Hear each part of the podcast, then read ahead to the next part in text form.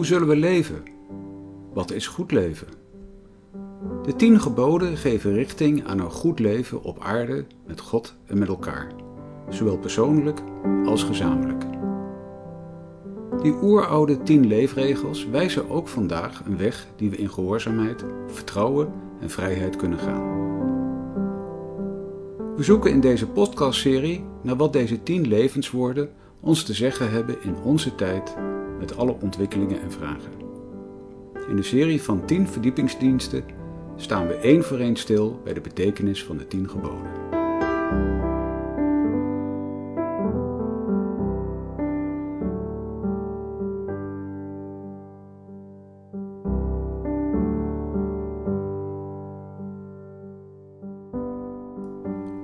Dit is de vijfde preek in de serie van 10. Het vijfde gebod. Toon eerbied voor uw vader en uw moeder. Voorganger is dominee Dick Wolters. Is opgenomen op 26 september 2021 in de Noorderkerk te Amsterdam.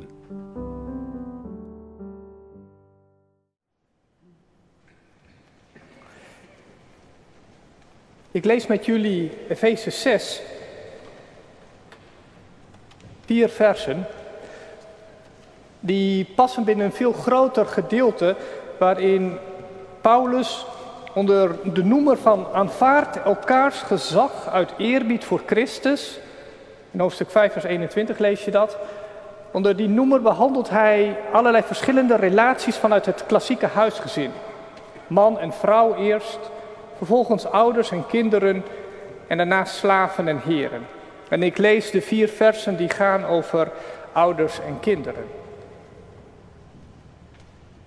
Kinderen, wees gehoorzaam aan je ouders uit ontzag voor de Heer, want zo hoort het. Toon eerbied voor uw vader en uw moeder.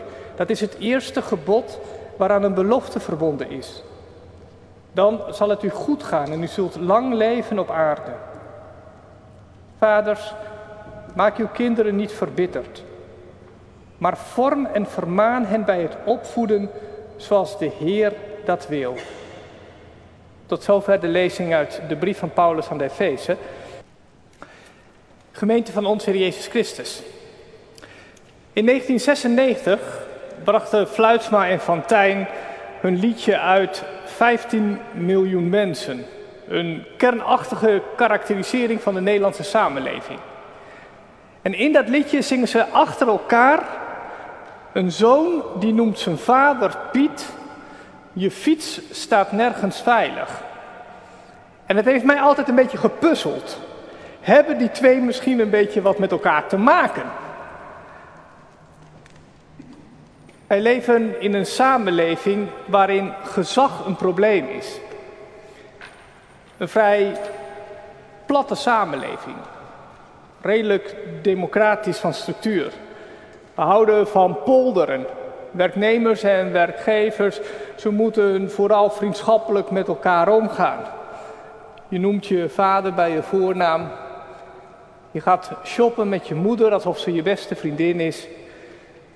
En je moet vooral in Nederland niet denken dat de een meer of minder is dan de ander. Dat hebben we zeker tijdens de afgelopen coronacrisis wel gezien. Hè?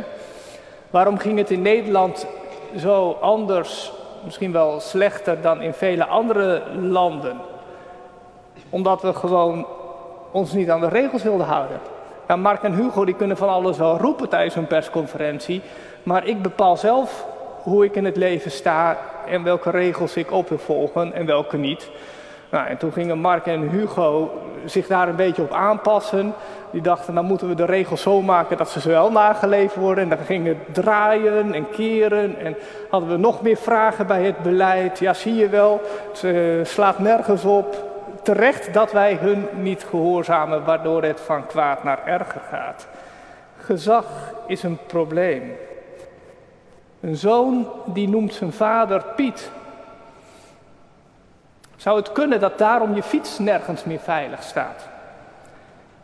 Dat een samenleving waarin gezag verdwijnt, implodeert. Dat het geen samenleving meer is. Dat criminaliteit een voedingsbodem krijgt. En zou dat ook de reden zijn waarom in het vijfde gebod het eren van je ouders gekoppeld is aan een lang leven in het land dat de Heer je God je geeft? Omdat juist het erkennen van gezag leidt tot een samenleving waarin het goed leven is. Ik kom daar zo meteen nog op terug. Ik had eigenlijk moeite met het uh, beperken van deze preek. Want volgens mij vanuit het vijfde gebod kun je zoveel verschillende facetten uit onze samenleving en uit ons leven naar voren halen. Dat ik me noodzakelijkerwijs vandaag moest beperken tot drie. Allereerst wil ik met jullie nadenken over de sfeer van het gezin. Het gezin als de plek waar de liefde tot God en tot de naaste wordt ingeoefend. Daarna wil ik met jullie nadenken over de rol van ouderen in onze kerk en samenleving. En tenslotte keer ik weer terug tot waar ik mee begon, gezag. En hoop ik dat begrip iets meer te verdiepen. Maar eerst dus het gezin.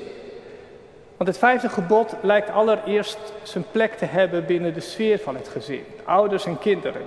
Zo behandelt Paulus hem ook in Efeze 6. We hebben het met elkaar gelezen.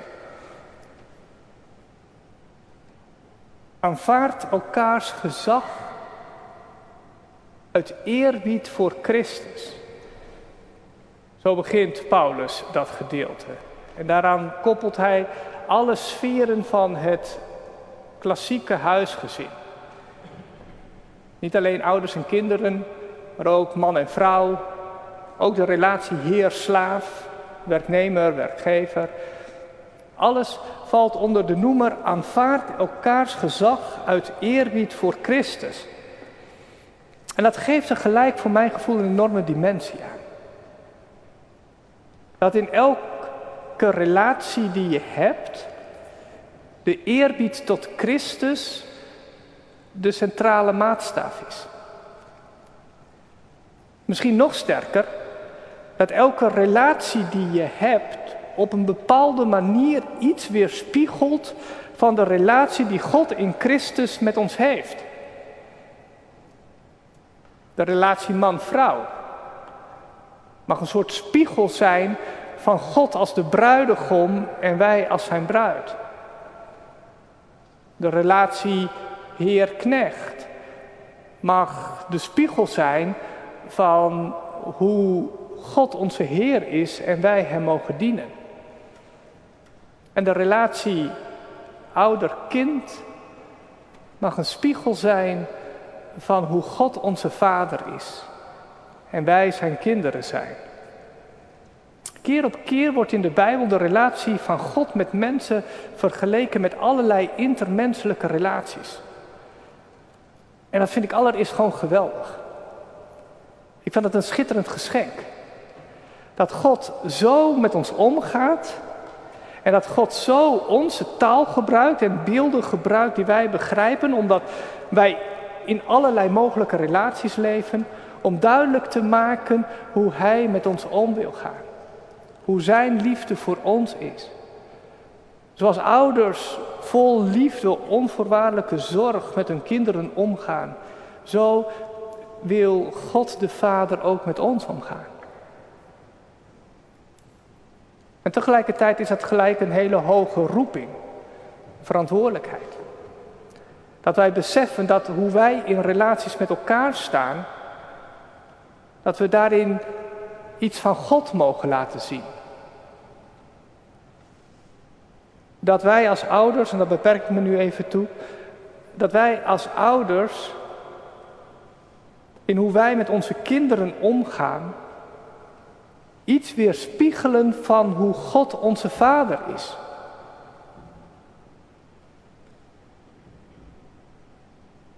Dat God zichtbaar wordt in en door ons.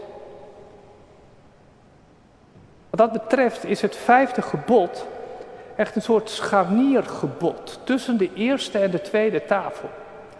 De eerste tafel die gaat over de liefde tot God. En de tweede tafel die gaat op de liefde tot de naaste. Bij welke tafel hoort nou het vijfde gebod? Het eren van je ouders. Nou, als je daar kijkt, dan staat het vijfde gebod op de tweede tafel. En zo behandelen we hem altijd.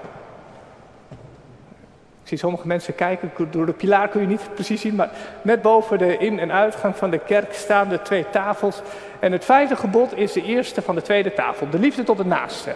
Omdat je ouders je eerste naasten zijn van wie je mag houden. Zo hebben we het in onze traditie vaak gezien. Maar binnen het Jodendom wordt dit gebod geplaatst op de eerste tafel. Hoort het helemaal bij de liefde tot God. Waarom? Omdat in het gezin de liefde tot God geleerd wordt. Omdat in en door je ouders God zijn zorg en liefde aan jou toont.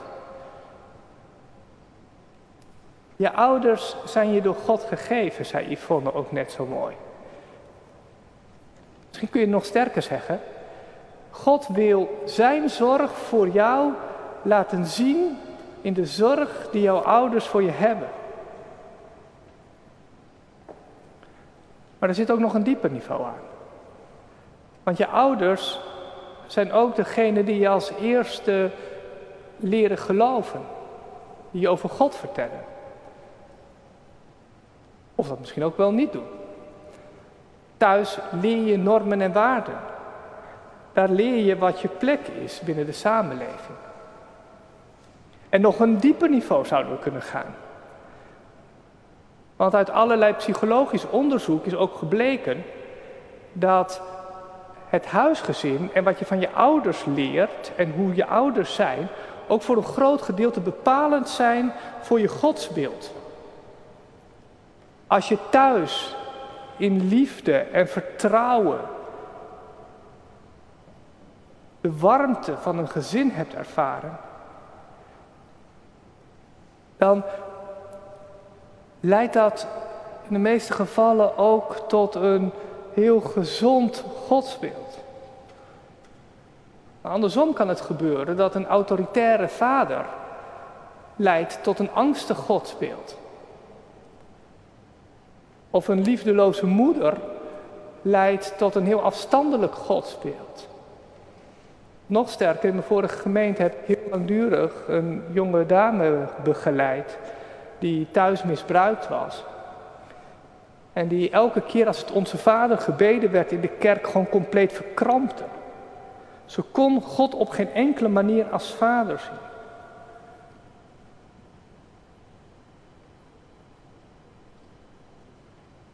Beseffen wij als ouders welke rol wij hebben in de opvoeding van onze kinderen? En beseffen we wat Paulus schrijft, ouders, maak uw kinderen niet verbitterd, maar vorm en vermaan hen bij het opvoeden zoals de Heer dat wil. En dan wordt ook gelijk helder waarom onze ouders die liefde, die eerbied waard zijn. Omdat zij het geschenk zijn van God, waarmee Hij ons wil opvoeden, dicht bij Hem wil brengen, waarin Hij ons zichzelf wil laten zien. Kortom, in het liefhebben van onze ouders en in het verkeren in de sfeer van het gezin leren we de liefde tot God. En in de tweede plaats leren we in het liefhebben van onze ouders ook het liefhebben van onze naasten. Het liefhebben van andere mensen. Het vijfde gebod vindt eigenlijk zijn setting plaats um, binnen, wat ik zou zeggen, de ouderenzorg. Het is goed om te beseffen dat het vijfde gebod niet gegeven wordt aan kleine kinderen, maar dat het vijfde gebod uitgesproken wordt tegen volwassen mensen die onderaan de berg Sinaï staan om het verbond van God in ontvangst te nemen. Tegen volwassen mensen zegt God, eer je vader en je moeder. Zoals zij voor jou gezorgd hebben toen jij kind was, zo is het nu je taak en verantwoordelijkheid om voor hen te zorgen nu jij volwassen bent en zij ouder zijn geworden. Heel mooi vond ik de uitwerking van dit gebod in het apocryfe boek Jezus Sirach. De Joodse wijsheidsleraar schrijft: Kinderen, wees je vader op zijn oude dag tot steun. En doe hem geen verdriet zolang hij leeft. Als zijn verstand hem verlaat, heb dan begrip voor hem. Jij die nog al je kracht hebt, mag niet op hem neerzien. Wie zijn vader en moeder in de steek laat, is als een godslasteraar. In de tijd dat je geen AOW had, waren je kinderen je oude dagsvoorziening. En zo heeft God dit gebod ook gegeven. Als een sociaal gebod om in een samenleving zorg te dragen voor je ouders op hun oude dag. Maar wat mij betreft gaat die zorg veel verder dan alleen een materiële zorg. Dat ze een natje en een droogje hebben en een dak boven het hoofd. Want ik maak me wel zorgen.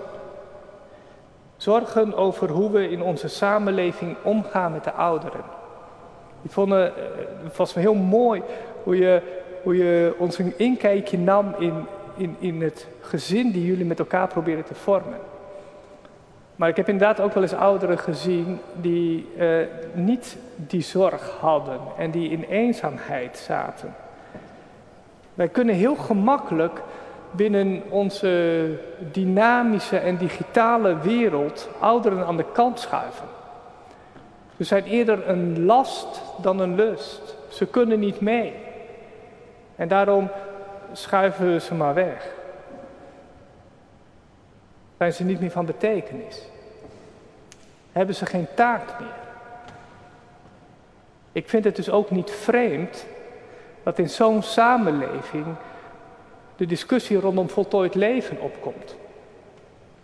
Ik kan me namelijk heel goed voorstellen dat je op een gegeven moment denkt, ik ben voor niemand meer van betekenis. Mijn leven is klaar, voltooid. Hoe kunnen wij nou als christelijke gemeente een plek zijn waarin ouderen dat nooit hoeven te zeggen? Hoe kunnen wij weer gehoor geven aan het Bijbelse roepstem om onze ouders te eren? Om hen de plek te geven die God hen in ons midden geeft. Namelijk als de dragers van de wijsheid. Als degenen die in de snelle, veranderende samenleving tegen ons zeggen: luister. Ik heb van alles en nog wat meegemaakt in mijn leven. En ik wil je wat verhalen vertellen. Ik wil je een geschiedenis vertellen. Omdat er in feite nooit iets nieuws is onder de zon. Die ons helpen om te relativeren binnen de drukte van ons bestaan. En ons meenemen in een verhaal die groter is dan we zelf zijn. Die de woorden van God levend voor ons houden. Die het biddende hart zijn van de gemeente. Dat is voor mij de roeping van de ouderen in ons midden. Laten we hen die plaats geven. En niet vertroetelen, maar juist in hun kracht zetten. En dit van hen vragen. En ik durf te wedden dat hun leven zal openbloeien. Zoals Psalm 92 zingt. Over de palmen die opgericht zijn in het huis van de Heer.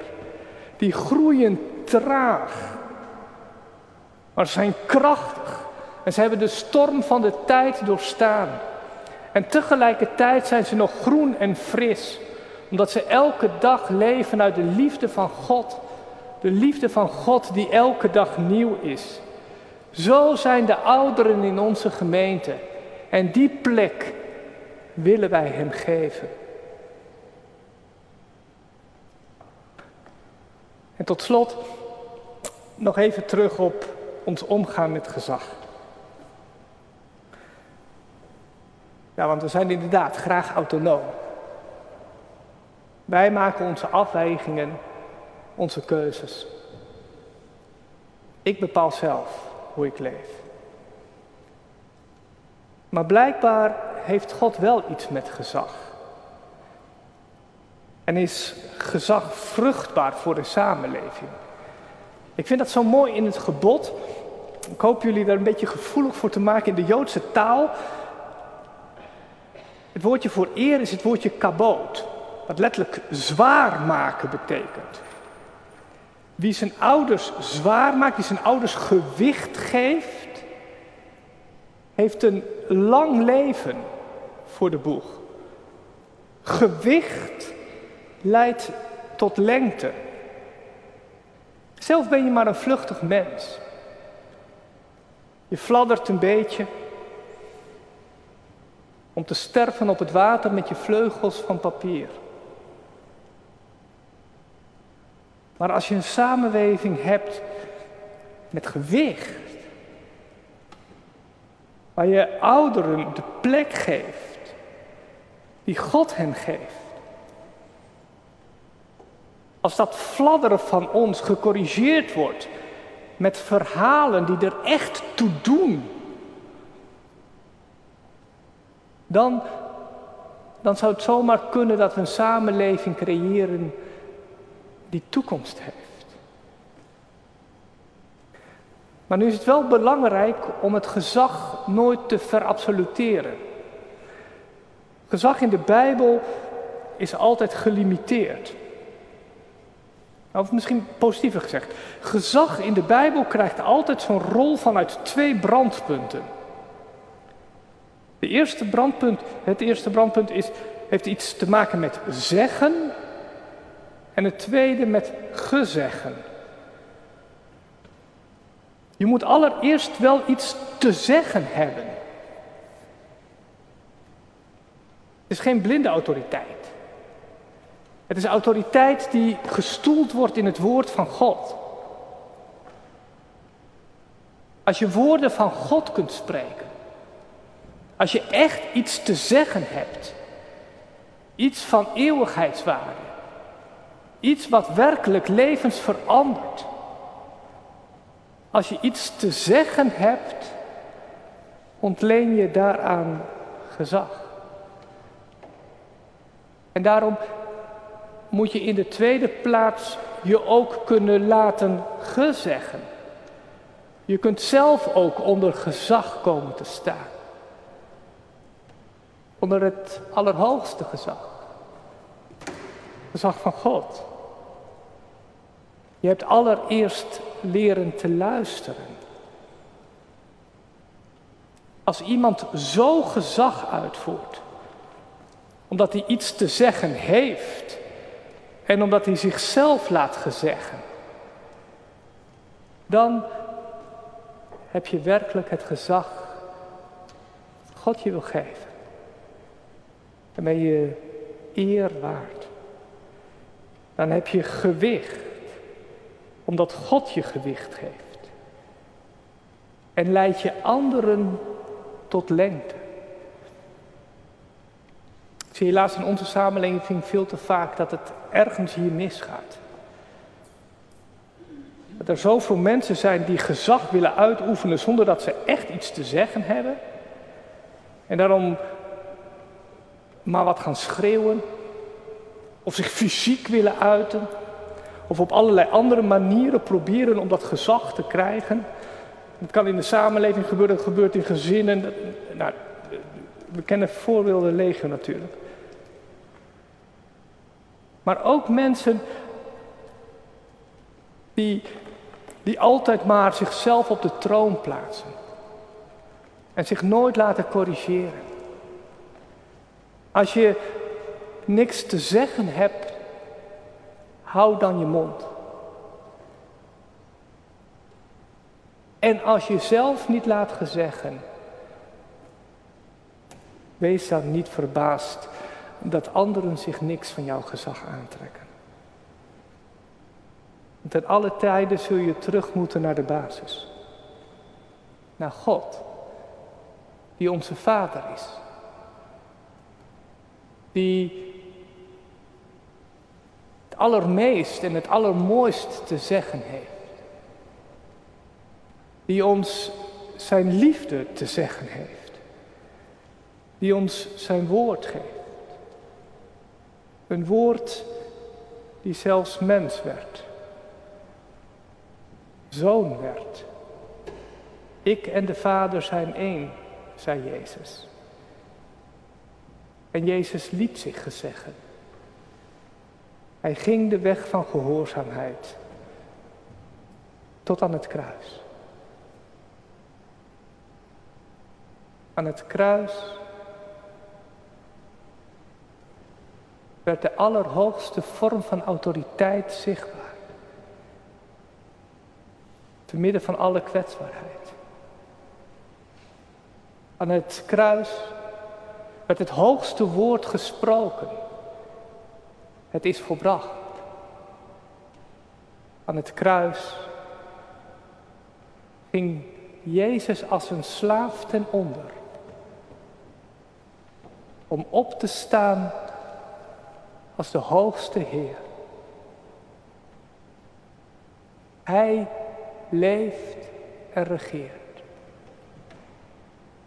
En als we Zijn woord horen en ons laten vullen door Zijn geest, als we Zijn woord weer spreken en leven vanuit Zijn liefde, dan wordt iets zichtbaar van hoe God het bedoeld heeft. Als we Hem het allerhoogste gewicht geven, dan is ons een lang leven beschoren in Zijn koninkrijk. Wij eren en aanbidden U, onze God en Vader, van nu aan tot in eeuwigheid. Amen.